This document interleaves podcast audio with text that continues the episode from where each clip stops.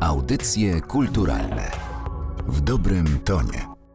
Dzień dobry Państwu, Anna Karna. Zapraszam na audycje kulturalne. Kwiecień wszystkim fanom jazzu kojarzy się z Krzysztofem Komedą. Wybitny polski kompozytor urodził się 27 kwietnia 1931 roku, a więc dziś obchodziłby 92 urodziny. Zaś 23 kwietnia minęła 54. rocznica śmierci artysty. O wybitnym jazzmenie rozmawiać będę z panem Pawłem Brodowskim, muzykiem, legendą krytyki muzycznej, od ponad 50 lat związanym z pismem Jazz Forum, którego redaktorem naczelnym jest od 1979 roku, redaktorem kultowej serii płytowej Polish Jazz. Dzień dobry.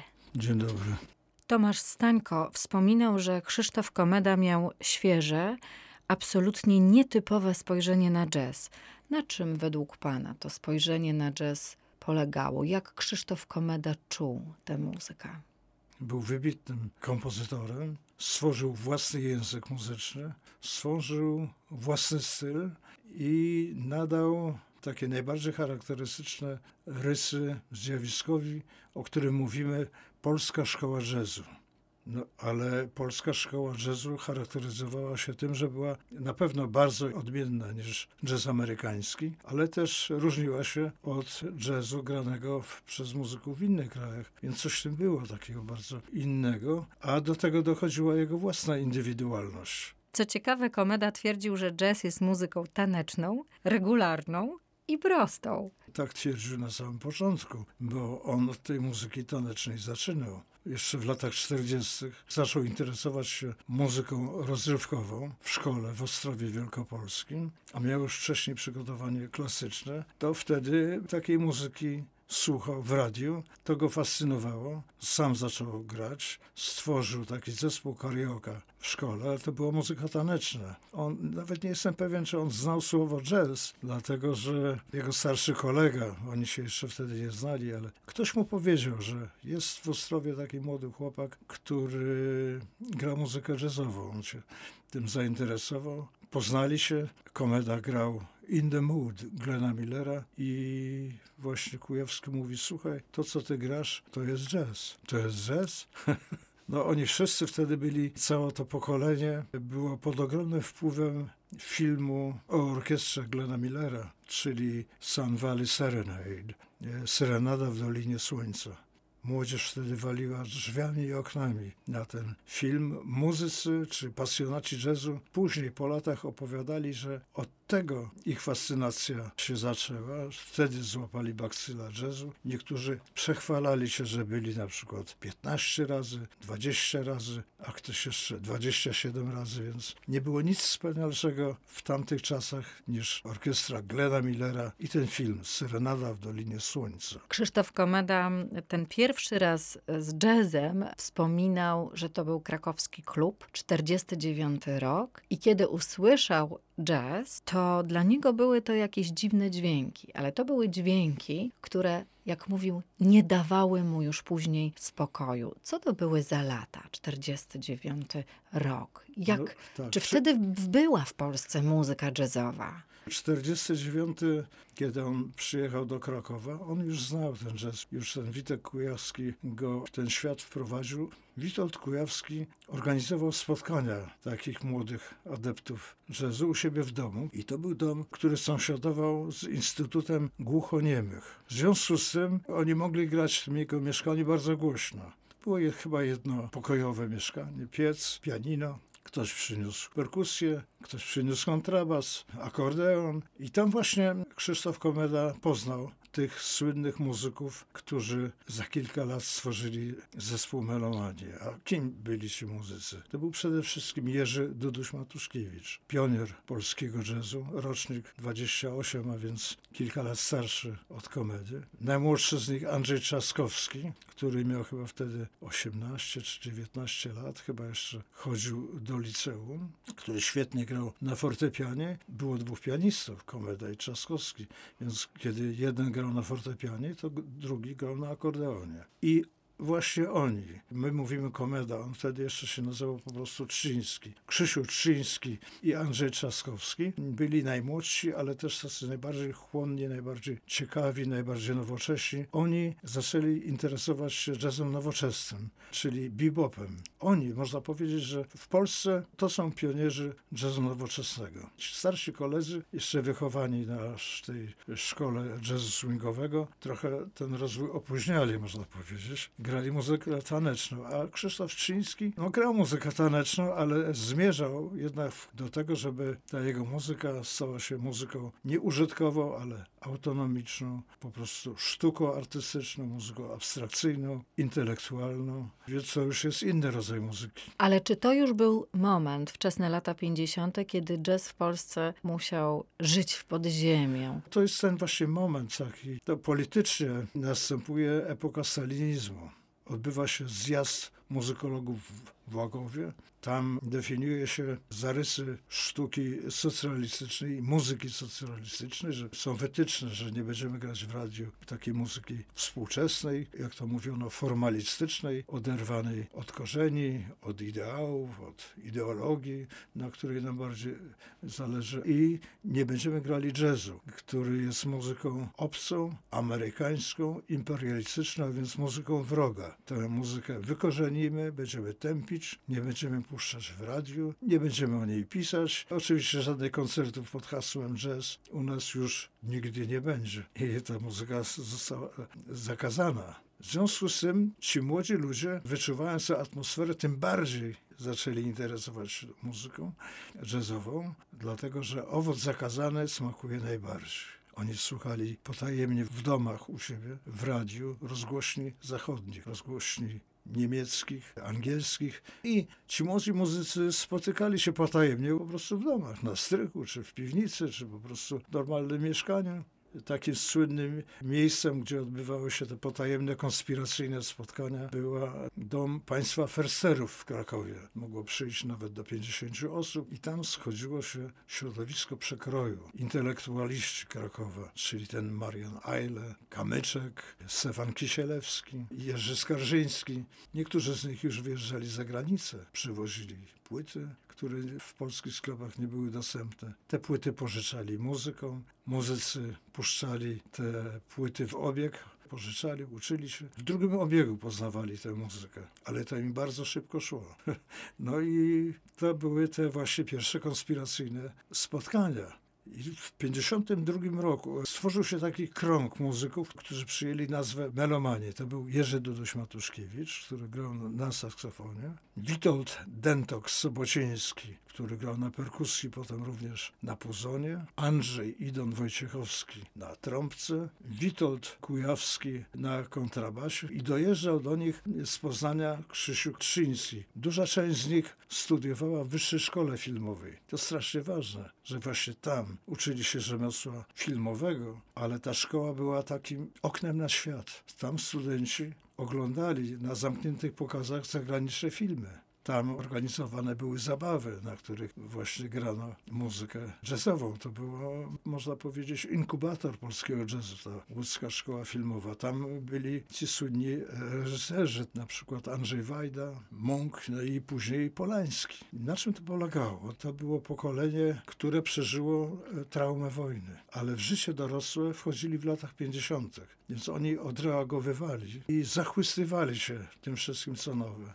Ten jazz nie był oderwany. On był jedną z form takiej nowej, wyzwolonej sztuki, ale tą formą taką chyba najbardziej nośną, która w połowie lat 50. przyjęła formę walki o wolność. Leopold Tyrmand, który ich poznał właśnie w Krakowie, powiedział, że jazz był wtedy orężem w walce o wolność. W tym pierwszym szeregu tej walki szli melomani razem z Krzysztofem Komedą. Krzysztof Komeda wskazuje jako pierwszy bardzo ważny moment w swoim życiu rok 56. Co to był za czas? No ten 56 to jest festiwal w Sopocie. Rzecz wtedy, na tamte czasy, była nieprawdopodobna. Po latach mówimy o tym, że nastąpiło trzęsienie ziemi. Dlatego, że na festiwal do Sopotu zjechała się młodzież z całej Polski. Głównymi bohaterami byli właśnie melomani.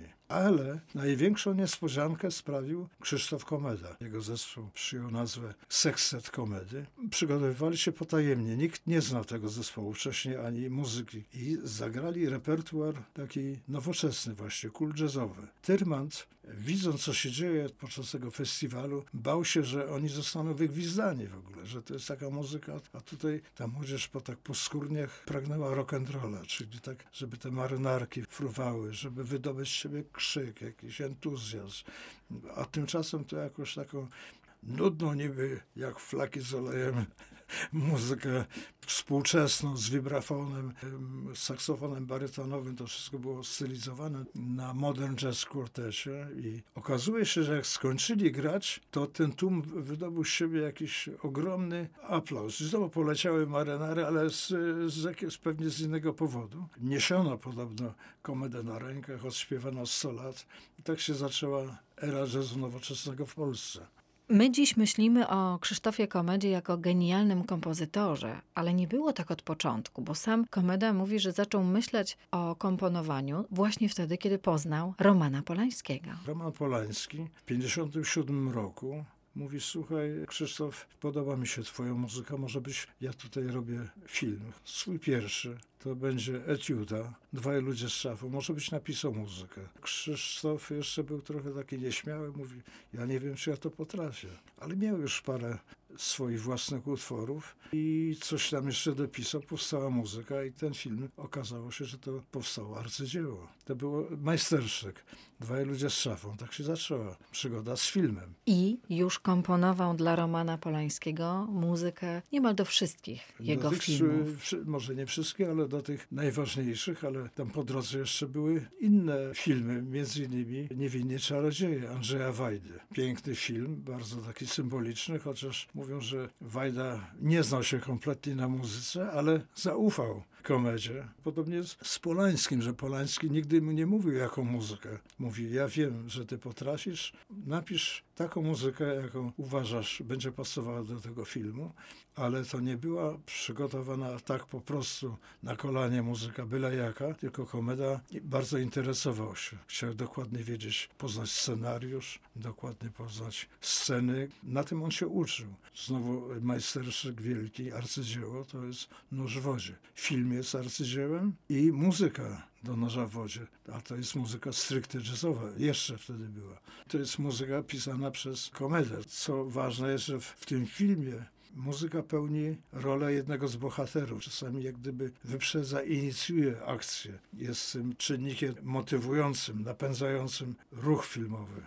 Okazuje się, że ten okres twórczości komedy czy aktywnego życia artystycznego był bardzo krótki. Nie wszyscy zdają sobie sprawę, że to trwało od Sopotu do tragicznego wypadku, to jest tylko ledwie 12 lat, a twórczość filmowa 10 lat. W ciągu tych 10 lat stworzył muzykę do ponad 70 filmów. To aż trudno uwierzyć, jest to w różnych krajach. A jednocześnie cały czas prowadził życie jazzowe. Przychodzi grudzień 65 roku, Krzysztof Komeda nagrywa wtedy Astigmatic i już dziś wiemy, że to był epokowy moment, nie tylko dla Krzysztofa Komedy i nie tylko dla polskiego jazzu. To była druga płyta. Ciekawe. Krzysztof Komeda za życia nagrał tylko trzy duże płyty. Ten Astigmatic, nagrany na festiwalu Jazz.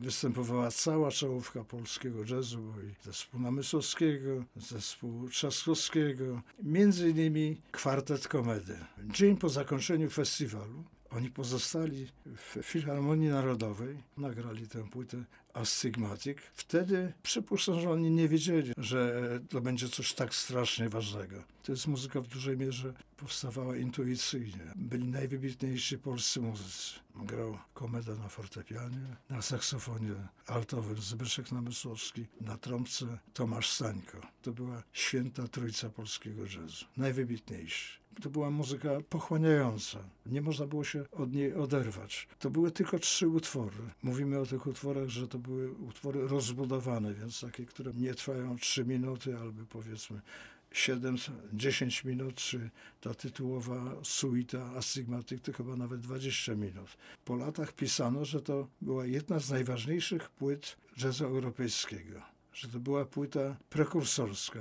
wyprzedzająca formowanie się europejskiej odrębnej szkoły jazzu, odrębnej od amerykańskiej. A polegało to na tym, że zerwanie z pewnymi regułami, z takim obowiązującym swingiem, formą standardów czy sekwencją solówek, to było trochę inaczej prowadzone.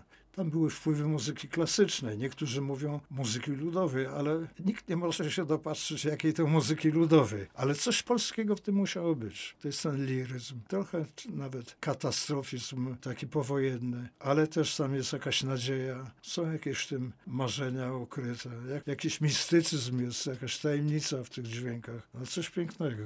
Krytycy angielskiego miesięcznika Jazzwise sporządzili taką listę 100 płyt, które wstrząsnęły światem czyli 100 najważniejszych płyt w historii jazzu. Na pierwszym miejscu jest Miles Davis Kind of Blue, potem jest I Love Supreme, Johna Coltrane'a i gdzieś w pośrodku tej listy, najpierw są same amerykańskie płyty, pojawia się Astigmatic Comedy. Zaskakujące, więc krytycy zachodni docenili tę nowatorskość komedy. To była druga płyta komedy, mhm. a trzecia to była nagrana w 1966 roku Meine Süße Europäische Heimat, czyli moja słodka europejska ojczyzna w bardzo podobnym składzie płyta nagrana i to była płyta wyprodukowana przez krytyka Joachima Berenda w serii Jazz i Poezja. To był pomysł właśnie Berenda, że kometa stworzy muzykę do wierszy polskich poetów, tylko uwaga, płyta wydana w Niemczech, a więc recytacja odbywa się w języku niemieckim. A przekładu dokonał Karl Dedecius, najwybitniejszy tłumacz niemiecki. A to były wiersze zakazanych poetów wtedy. Większość z nich w ogóle nie funkcjonowała w obiegu polskiej kultury, bo tam była Szymborska, był Miłosz, była Ewa Lipska i ta płyta nie była prezentowana w polskim radiu. Nie tylko ze względu na nazwiska poetów, ale także obawiano się, że ten język niemiecki w polskim radiu jakoś to niezręcznie zabrzmi. Rzeczywiście słuchamy troszeczkę z oporami, zwłaszcza kiedy nie znamy języka niemieckiego, bo przywołuje pamięć o wojnie, a te wiersze były o wojnie. Moja słodka europejska ojczyzna. Ta nazwa świadczyła, nadana przez samego Komedę, o jego poczuciu takiej przynależności do europejskiej kultury. Jestem obywatelem Europy, Europa jest moją ojczyzną, ojczyzną jest cały mój świat. W zasadzie był kosmopolitą w tym momencie i szykował się już do wyjazdu do Ameryki.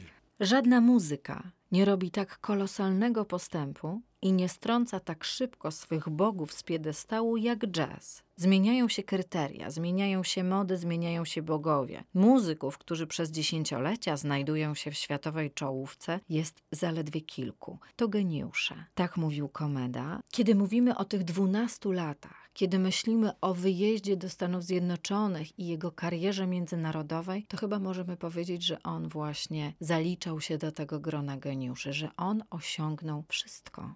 Twórczość i życie komedy to jest taki amerykański sen. Ten amerykański sen spełniał się na naszych oczach, na jego oczach. To naprawdę się działo.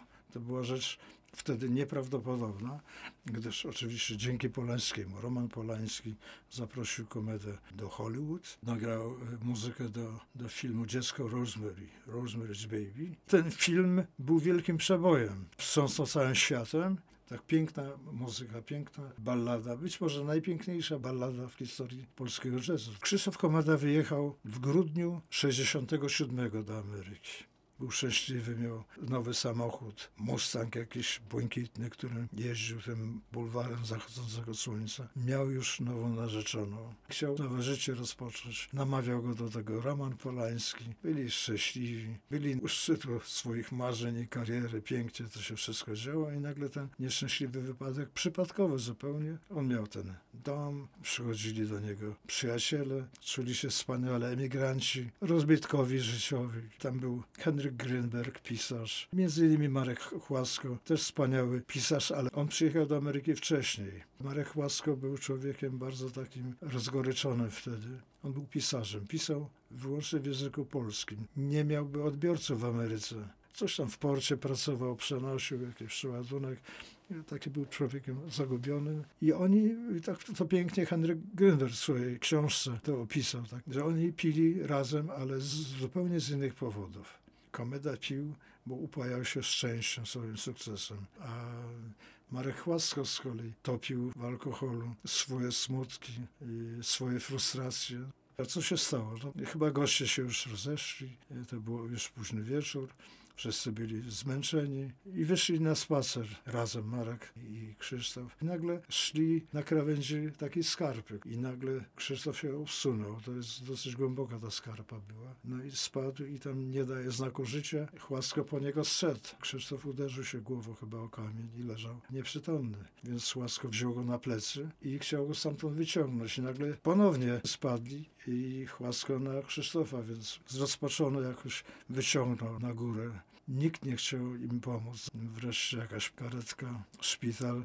Krzysztof z tego wyszedł, ale po jakimś czasie powróciły bóle, migreny i też nie zdawał sobie sprawy. No, tak trochę lekceważył, co było dziwne, bo przecież był lekarzem. Nie potrafił sam siebie albo bał się sam siebie zdiagnozować, co się stało. I nagle zapadł w śpiączkę. I to było w grudniu i w tej śpiączce leżał aż do końca kwietnia. Tymczasem Zosia, jego żona, o tym nic nie wiedziała. Czyli przyjaciele, jakaś była zmowa milczenia. Ciągle łudzili się, że on z tego wyjdzie, a ona przypadkowo od kogoś się dowiedziała. Pojechała, postawiła wszystko na nogi, opłaciła rachunki za leczenie, sprzedała prawa do Rosewich Baby po to, żeby spłacić długi leczenia. W końcu przytransportowała do Warszawy. Jeszcze trepanacja czaszki. Okazało się, że ten jest tak wielki, że jest nieusuwalny i zmarł Krzysztof 23 kwietnia 1969 roku. Mówimy, że w historii polskiego jazzu trzy największe wydarzenia były.